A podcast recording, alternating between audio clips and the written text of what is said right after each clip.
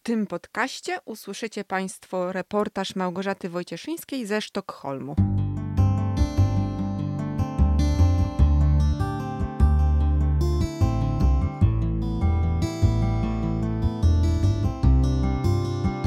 To jest podcast Klubu Polskiego.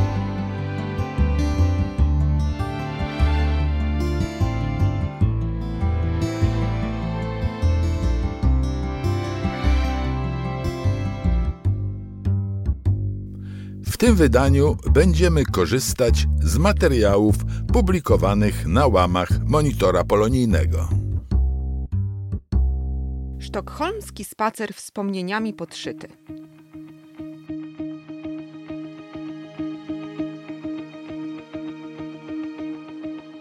Iskrzenie śniegu czy udekorowane światełkami okna przywołują przykre wspomnienia emigranckie. Tak, po ponad 40 latach wspomina grudniowy Sztokholm Tadeusz Urbański. A jednak to miasto go przyjęło i dało szansę na lepsze życie. Jemu i jego rodzinie, choć ta nie od razu dołączyła do niego, ponieważ w Polsce generał Jaruzelski właśnie wprowadził stan wojenny. Zapraszam Państwa na nietypowy spacer po Sztokholmie w towarzystwie naszego rodaka, który wspomina między innymi spotkania ze szwedzkim królem, noblistką Wisławą Szymborską i wyjaśnia, dlaczego alkohol w Szwecji można kupić tylko w specjalnych sklepach.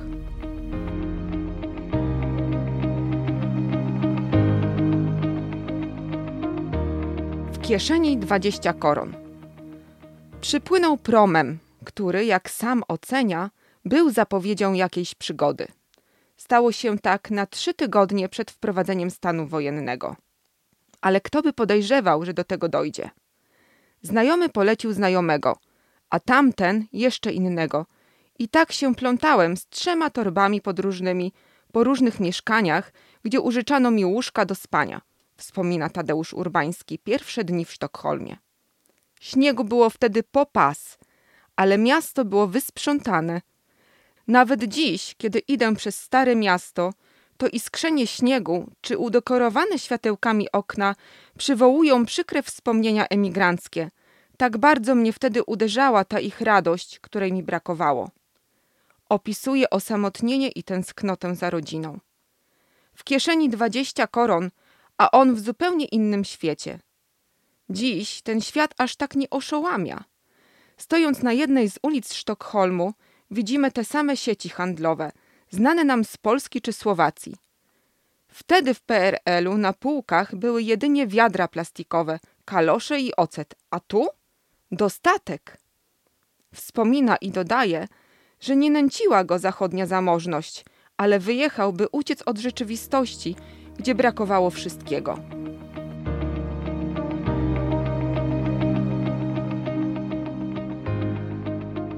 Biednych PRL-owskich butach. Plan był taki, że się rozejrzy i sprowadzi żonę z dwójką dzieci. Udało się, ale dopiero dwa i pół roku później. Tyle czasu minęło, zanim Danusi Urbańskiej udało się wyswobodzić z opresyjnej komunistycznej rzeczywistości. A Tadeusz wspomina 13 grudnia 1981 roku. Ten dzień to w Szwecji największe święto, świętej Łucji. Ale kiedy w Polsce wprowadzono stan wojenny, na centralnym placu w Sztokholmie było pół miliona protestujących. Opisuje, kiedy stoimy przed Domem Kultury przy placu Sergela, gdzie właśnie trwa manifestacja na rzecz Ukrainy. Byłem na tamtym proteście. Było też wielu naszych rodaków. Od razu można było nas rozpoznać po tych biednych PRL-owskich butach i paltach, które nie pasowały do tutejszej rzeczywistości, mroźnej i śnieżnej. Wspomina mój rozmówca i dodaje, że ta solidarność z Polską była przejmująca, a temat nie schodził z pierwszych stron gazet.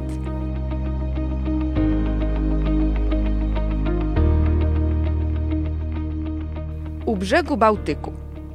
Szwecja przygarnęła polskie rodziny, w tym naszego bohatera. Kiedy zbliżał się przyjazd jego żony, specjalny urzędnik przyszedł sprawdzić, czy mieszkanie, które zajmował, jest odpowiednie dla czteroosobowej rodziny.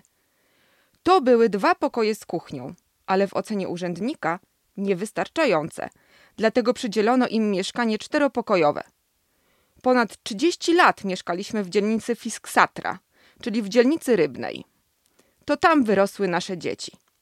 Opisuje Tadeusz z lekką nostalgią, bo mimo, że zamieszkali na obrzeżach stolicy, to było to miejsce urokliwe, nad jeziorami, w których Tadeusz uczył syna łowić ryby. Osiedle otaczało 2,5 tysiąca hektarów lasów, w których można było zbierać grzyby. Zresztą cały Sztokholm jest bardzo urokliwy, położony na wodzie. Uświadamiam to sobie, spacerując z moim rozmówcą po dzielnicy Bershamra, niedaleko uniwersytetu, 10 minut jazdy metrem od centrum, gdzie mieszka obecnie. Gdy dzieci się wyprowadziły, zdecydowaliśmy się z żoną na przeprowadzkę do trzypokojowego mieszkania, gdzie płacimy niższy czynsz, wyjaśnia Tadek. Dzielnica ta jest również niezwykła. Lasy i woda na wyciągnięcie ręki. I to nie byle jaka woda, ale zalew Morza Bałtyckiego.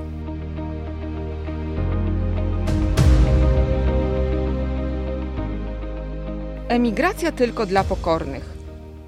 Po przyjeździe żonę tatka natychmiast skierowano na kurs języka szwedzkiego i dodatkowo kurs księgowości, by mogła w Szwecji pracować w zawodzie wyuczonym w Polsce. Z kolei Tadeusz, ponieważ w Polsce pracował jako początkujący publicysta, przeszedł w Sztokholmie kurs zawodowy w największym dzienniku szwedzkim Dagens Nyheter. Sporo mi to dało, dostałem nową pracę w drukarni, ale życie przyniosło mi dużo więcej niespodzianek zawodowych. Pracowałem w fabryce IBM, robiłem rozruszniki serca, a nawet miałem zakład szewski i firmę reklamową. Wymienia i dodaje, że emigracji trzeba się nauczyć. Nikomu jej nie życzę, bo to ciężki kawałek chleba. Wszystkiego trzeba się uczyć od początku i nie mówią tylko o języku, bo to oczywiste. Ale trzeba obserwować, mieć pokorę, bo jest się obcym. Jeśli się spełni te warunki, to później wszystko się ułoży, konstatuje.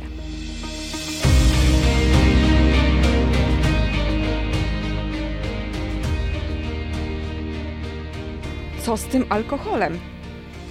A do tego jeszcze te siarczyste zimy. Szwedzi sobie radzą, czyniąc ten czas przyjemniejszym, choćby w ten sposób, że zdobią okna światełkami, popijając glyk – czyli grzane wino z przyprawami korzennymi, które w okresie przedświątecznym dostępne jest na straganach i w lokalach. Ale kupno alkoholu w Szwecji to bardziej skomplikowana sprawa. Uświadamiam to sobie, stojąc w zwykłym sklepie spożywczym, w którym w ogóle nie ma półek z alkoholem. Wyjątek stanowi niskoprocentowe piwo. Alkohol w Szwecji sprzedawany jest tylko w specjalnych sklepach System Alkohol w Szwecji sprzedawany jest tylko w specjalnych sklepach System Bolaget. Trzeba podkreślić, że nie ma ich wiele, dlatego niektórzy, chcąc go kupić, muszą jechać do innej, często odległej dzielnicy. Kupno alkoholu wiąże się z pewnym planowaniem, wyprawą. Wyjaśnia Tadek i opisuje, że wcześniej Szwedzi traktowali alkohol jako środek na przetrwanie i od XVIII wieku, a może nawet wcześniej, pili bardzo dużo. Mówi się, że przeciętny Skandynaw, stojąc na skrzyżowaniu ulic, miał do dyspozycji pięć sklepów z alkoholem. Obawiano się, że ten naród się rozpije. Z roku na rok pito więcej, dlatego w latach pięćdziesiątych ubiegłego wieku wprowadzono kartki na alkohol, opowiada Tadeusz. Obecnie tego typu ograniczeń już nie ma. Ograniczeniem też nie jest asortyment sklepów z alkoholem, bo ten jest bardzo bogaty. Ograniczenie stanowią cena alkoholu, dostępność sklepów alkoholowych i czas ich działania. Otwarte są w określonych godzinach w dni robocze, a od trzech lat również w soboty od 11 do 15. W niedzielę są nieczynne. Tu trzeba planować, myśleć. Zresztą Szwedzi są praktyczni i przewidywalni, nie tylko w kwestii alkoholu. To ich cecha dająca poczucie bezpieczeństwa, ocenia Tadek.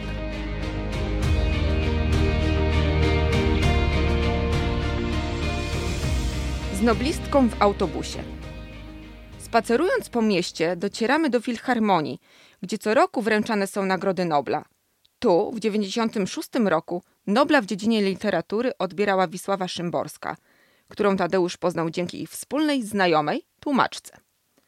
Wspomina jedną z zabawnych historii, kiedy z ową przyjaciółką i polską noblistką jechał w Sztokholmie zwykłym autobusem.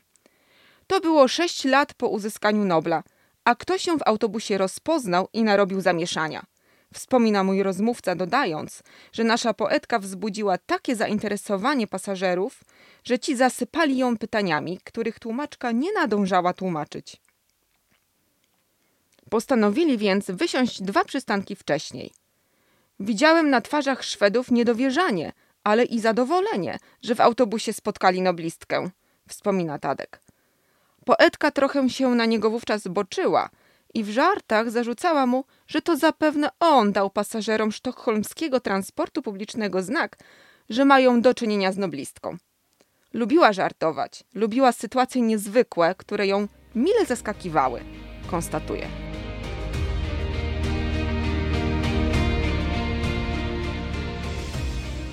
Przy popielniczce. Dzieli się też wspomnieniem z pewnego spotkania w Instytucie Polskim w Sztokholmie, na które Wisława Szymborska przybyła w roli gościa specjalnego. To były czasy, kiedy można było tam jeszcze palić papierosy, a że oboje byliśmy palaczami, więc szukaliśmy popielniczki.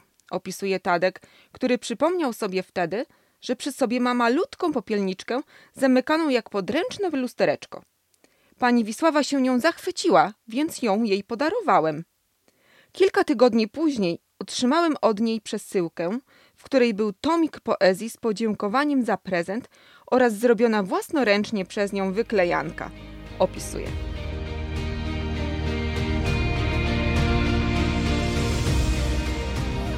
Obsługiwałem szwedzkiego króla.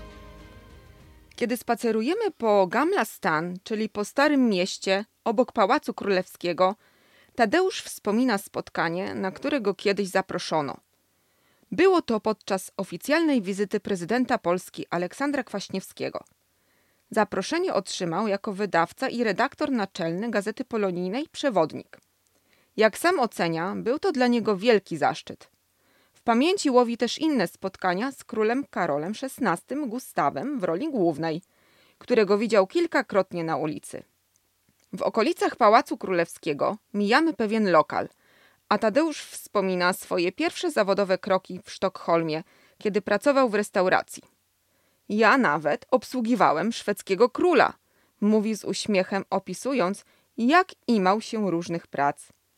Zmywałem garnki razem z kolegą, a szef wpadł na kuchnię spanikowany, ponieważ na sali zobaczył króla w towarzystwie dwóch postawnych bodyguardów, którzy przyszli na obiad. Wspomina i dodaje, że goście ze smakiem zjedli posiłek i opuścili lokal. A ja musiałem po królu pozmywać talerze. Mówi śmiejąc się Tadeusz.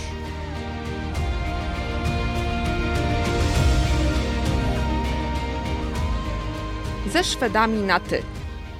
Podczas pobytu w Sztokholmie, spotykając polskich znajomych tatka, dostrzegam, że z łatwością przechodzą na ty. Czyżby Szwedzi nie mieli barier w spoufalaniu się, czym zarazili też naszych rodaków? Podobno wynika to ze swobody i wygody, którą Szwedzi preferują. Jeszcze w XIX wieku i na początku XX panowała tu straszna tytułomania. Zwracając się do kogoś, należało wymieniać wszystkie jego tytuły i zajmowane stanowiska, co było bardzo kłopotliwe, opisuje Tadeusz. Szwedzi znaleźli rozwiązanie, jak sobie ułatwić życie i w latach 60. ubiegłego wieku wprowadzili dekret znoszący obowiązek tak skomplikowanego zwracania się do siebie. Cała Szwecja przeszła więc na ty. Niektórzy nawet są w stanie się pogniewać, kiedy z grzeczności zwrócę się do nich per pan czy pani, dodaje.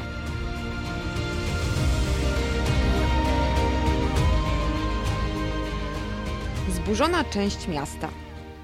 Stoimy na ulicy Sergeltorg w centrum stolicy, a Tadeusz pokazuje nam metalową makietę Sztokholmu. Starą, sprzed około 60 lat. I w tym momencie dowiaduję się, że w latach 50. ubiegłego wieku Szwedzi zburzyli część swojego miasta. Sami. Po to, by zbudować w tym miejscu nowoczesne budynki, garaże podziemne i pociągnąć linię metra. Nie do wiary, prawda? Tym bardziej, że podczas wojny na miasto nie spadła żadna bomba mówi Tadek. Oczywiście przebudowa nie dotyczyła Starego Miasta usytuowanego na trzech wyspach. To zostało nietknięte.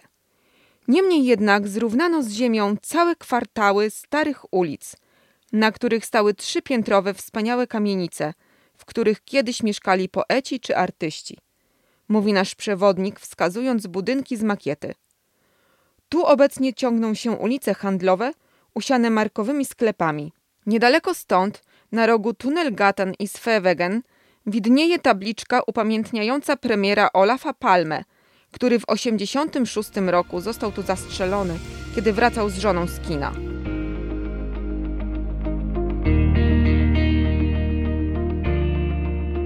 Najdłuższa galeria sztuki. Pod centrum pociągnięto metro, które wydrążono w skale. Uświadamia nas Tadeusz i dodaje, że Sztokholm ma doskonałą sieć metra z aż 120 stacjami. Nie wszystkie trasy prowadzą pod ziemią. Poza centrum metro wychodzi z podziemia i estakadami wozi pasażerów do odległych dzielnic, dodaje. Korzystając z metra, przyglądamy się zdobieniom stacji. Są niezwykłe. Każda stacja z malowidłami na ścianach, każda inna, w innym stylu, wykonana przez innego artystę. Mówi się o nich, że to najdłuższa galeria sztuki, uzupełnia. A nas, jak wielu innych, zdobienia te inspirują do robienia zdjęć. Okazuje się, że niektórzy pasjonaci planują wycieczki do Sztokholmu tylko po to, by zwiedzać jego podziemia. Później dzielą się w internecie niebanalnymi fotografiami.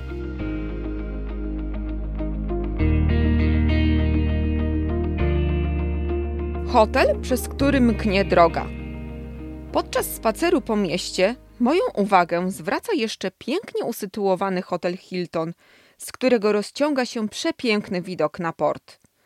Budynek jest jednak nietypowy, ponieważ znajduje się przy zjeździe z mostu, po którym jeżdżą samochody, metro i pociągi. Mało tego, wszystkie te nitki wiodą niejako przez ten hotel – aż się nie chce wierzyć, widząc, że do hotelu wjeżdżają pociągi i inne pojazdy. Dopytują mojego znajomego, czy hotel ma jakieś nadzwyczajne wyciszenie i czy hotelowi goście nie skarżą się na huk. Okazuje się, że hotel powstał na początku lat 80. To nic niezwykłego. Słyszałem, że specjalnie skonstruowano te piętra znajdujące się tuż nad autostradą. Zamontowano specjalne wyciszenia i podpory, by szyby się nie trzęsły.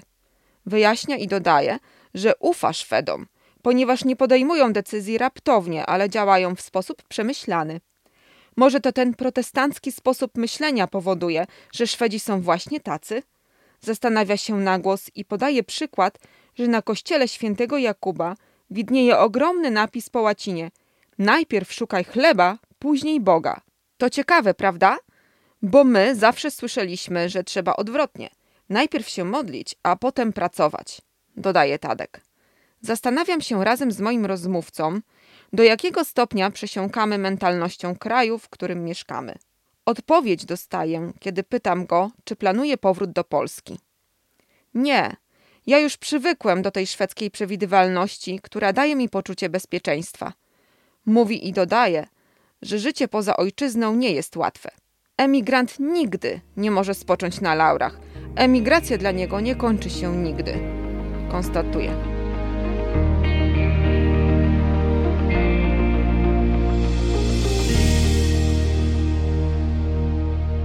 Artykuł autorstwa Małgorzaty Wojcieszyńskiej ukazał się w monitorze polonijnym w grudniu 2022 roku. Czytała Anna Porada.